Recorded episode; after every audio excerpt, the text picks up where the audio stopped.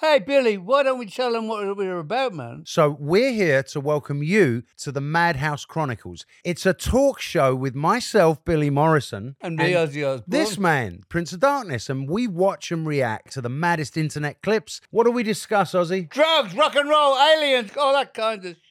Drugs, rock and roll, aliens, and all that kinds of shit. Come and join Ozzy and myself. Visit osbornemediahouse.com to get special access to. to- Come on! What do you say? Do you think it's the wildest show on the internet? Oh, Fighting Through Podcast, episode 39. Feedback from the Stan Perry interview. More great unpublished history. This episode is a special bonus episode just to share with you the feedback I've had from the Stan Perry interview, episodes 37 and 38. Also, just to round off the show, there's a quiz at the very end of the episode. Hello again, I'm Paul Cheall, son of Bill Cheall, whose World War II memoirs have been published by Pen and Sword in Fighting Through from Dunkirk to Hamburg. My dad fought at Dunkirk, North Africa, Sicily, D-Day and Germany. The aim of the Fighting Through podcast is to give you the stories behind the story. You'll hear memoirs and memories of veterans connected to Dad's war in some way and much more. Before we get in too deep with the show, have you come down to earth yet after listening to Captain Stan Perry in the last episode? Judging by the comments I've had, a lot of people enjoyed it. I've got some lovely feedback to share with you about how Stan's episode affected his family who were listening. Here you go. Thank you. It's amazing and something for the family to treasure. Stan Perry and Kathy. That's the man himself and his daughter. And Nicola Stan's granddaughter, who lives in Australia, said, I've just finished listening to the two episodes of your podcast featuring your interview of my granddad. They were absolutely wonderful. What an amazing memory they'll make to pass down the generations. I just wanted to thank you for what you're doing. I think it's incredible and I'm now hooked. John Dady said, I just wanted to say that the Captain Perry interview was brilliant, just about one of the best things I've heard. He sounds just like my uncles talking about the war, making light out of a horrific situation. Now, John also sent me a couple of great army jokes, which I can't use today.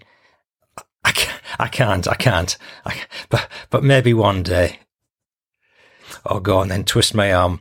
Look, it's a Mickey take about the Americans, but I'm only going to speak it because it gives me an opportunity to negate it. So here goes from John. The tale about the Americans in Stan's interview reminds me of my Uncle Fred telling me about the Americans. He said when the British fired, the Germans ducked. When the Germans fired, the British ducked. And when the Americans fired, everyone ducked. I hope we can all laugh at that because there are certainly enough retorts available to ridicule us Brits and equal and probably more truthful humour. And if you want some examples, tune into episode 33, Women at War, about the Wren working as a signals decoder in Northern Ireland. But better still, take a listen to another episode from the podcast Warriors in Their Own Words, which totally belies any suggestion that the American troops were in any way not up to scratch. You just listen to some of the stories of determination, bravery and hardship that these guys went through.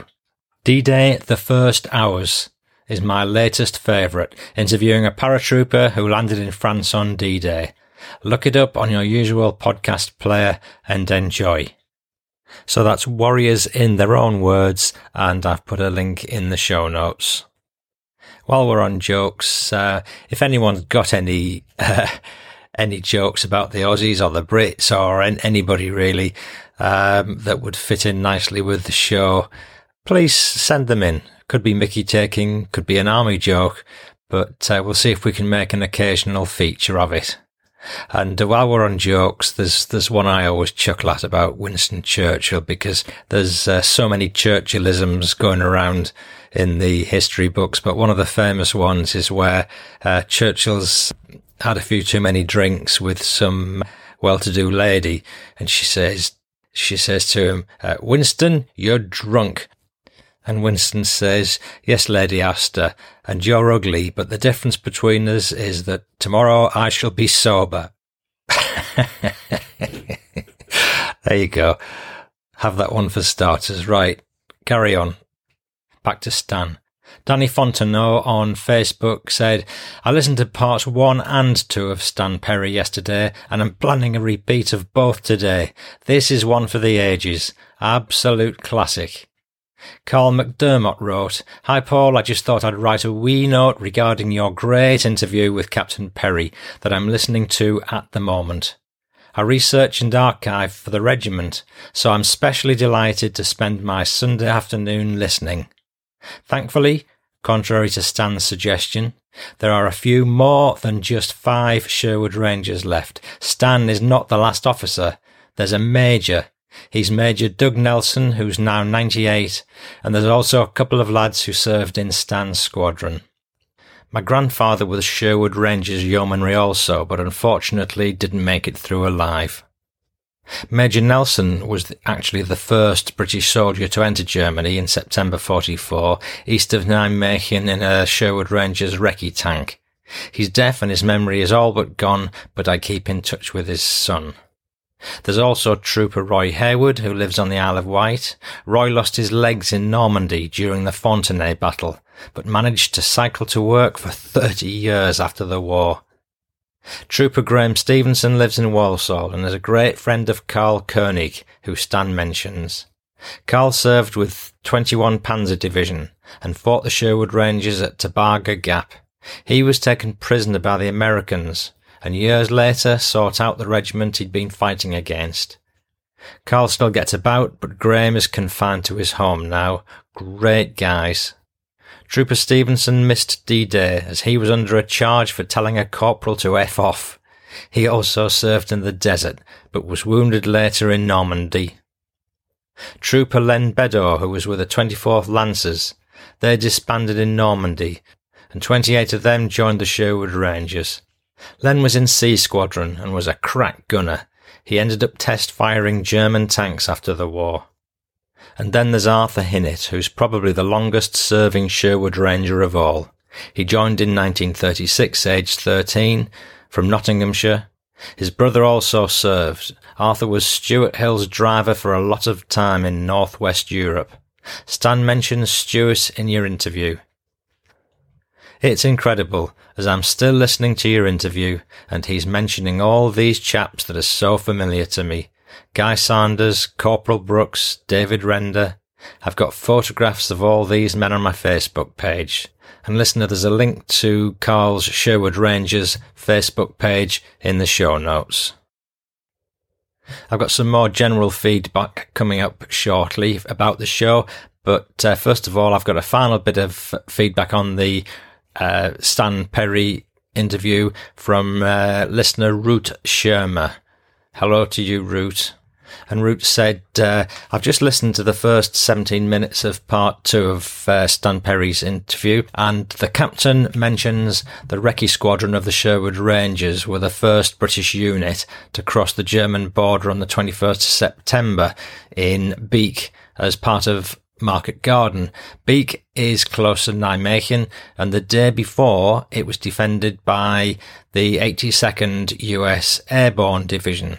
It was attacked by Germans and the village changed hands three times, and it was the scene of vicious close combat fighting. General Gavin arranged for the Recce Squadron to assist. At the time, Beek was located bang on the uh, Netherlands German border, so when they pushed the Germans back, they crossed the border. The action was replayed at the request of war correspondents a couple of days later using the actual participants. And you can find this scene on YouTube, and it includes the handshake of the commanding officer of the Recce Squadron with the US trooper which the captain mentioned.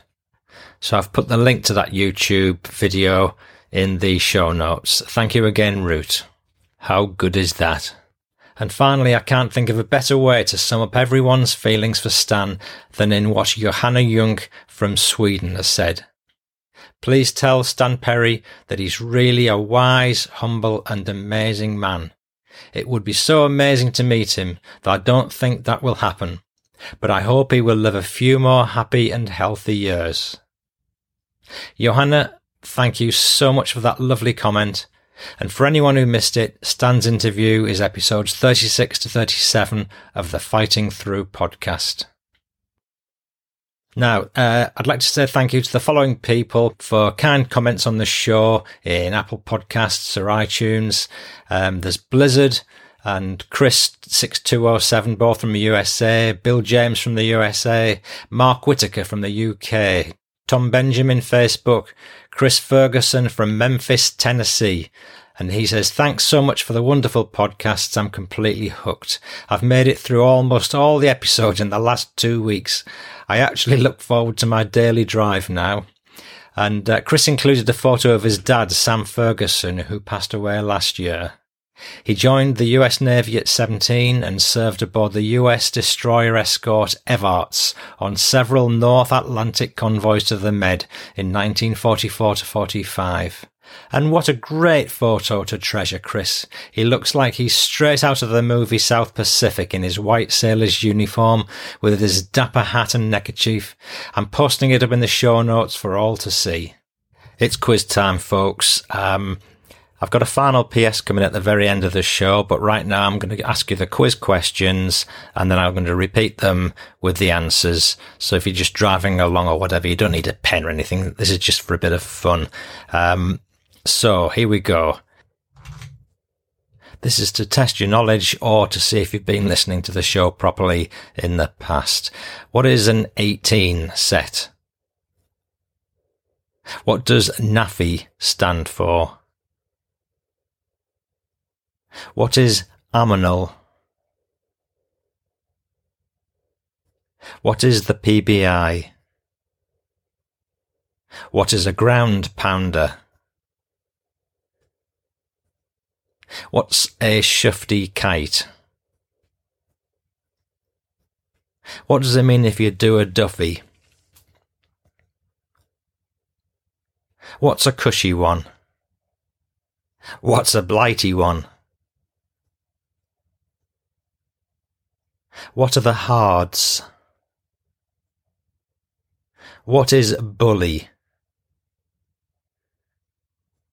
What might be you what might you be doing if you're having tiffin? What's a fizzer? And then one final one, which I'm not going to give you the answer to because uh, it's in a forthcoming show, but just to keep your mind active in the meantime, what is a fourpenny one? You might be able to have a guess at that one. I don't know what the American equivalent would be, but uh, have a bash. Now, here's the questions again, followed by the answers. What's an 18 set? Well, it's a radio receiver transmitter used uh, all over the place by uh, none other none other than the late Wilf Shaw and many other radio operators. NAAFI stands for NAAFI or the Na- Navy, Army and Air Force Institutes. It's an organisation that uh, ran recreational establishments needed by the forces in uh, the war and beyond. And uh, in war-torn France, it probably just meant a tuck shop. Right. Ammonal. Tins of ammonal were ammonium nitrate mixed with aluminium powder. So it was explosives. And on exploding, to quote um, Royal Engineer Mike Moss, uh, it would it would crack off an enormous triangular chunk of earth, which would drop into the ditch and fill it. And if you want to read the detail of that great story, catch up on episode two. PBI stood for Poor Bloody Infantry. A ground pounder was no less than Poor Bloody Infantry. Shufti Kite was a reconnaissance plane. To do a Duffy was to make a cock up. A cushy one was a minor wound necessitating some time away from the front line. So you just go behind lines and get repaired, you'd be back on the front again before you knew what had happened. A blighty one was a wound serious enough to require the recipient to be sent home to Blighty or to England. The Hards were, well, in May 1942, uh, Mountbatten ordered the construction of 11 purpose-built areas of hard standing, or hards, to serve landing craft and ships that would support commando operations on the European coast, and uh, particularly they were used as part of the D-Day operation, and they were all constructed in the Portsmouth area. Bully was, of course, bully beef or corned beef, a staple of the British troops, and uh, see Wilf Shaw's podcasts to appreciate the finer dietary niceties of bully. Tiffin was uh, usually a, a, light midday meal or lunch, and uh, Bill Cheall was hit by shra- shell shrapnel whilst having tiffin, and he got a blighty one. A fizzer is a charge for being improperly dressed. And as I say, a fourpenny one is something you're going to have to wait for. If you got all the answers right, then uh, congratulations, well done. You're uh, promoted to general instantly. And uh, if you didn't get them all right, well, you're going to have to try harder and listen to more of my podcasts. Here's the PS.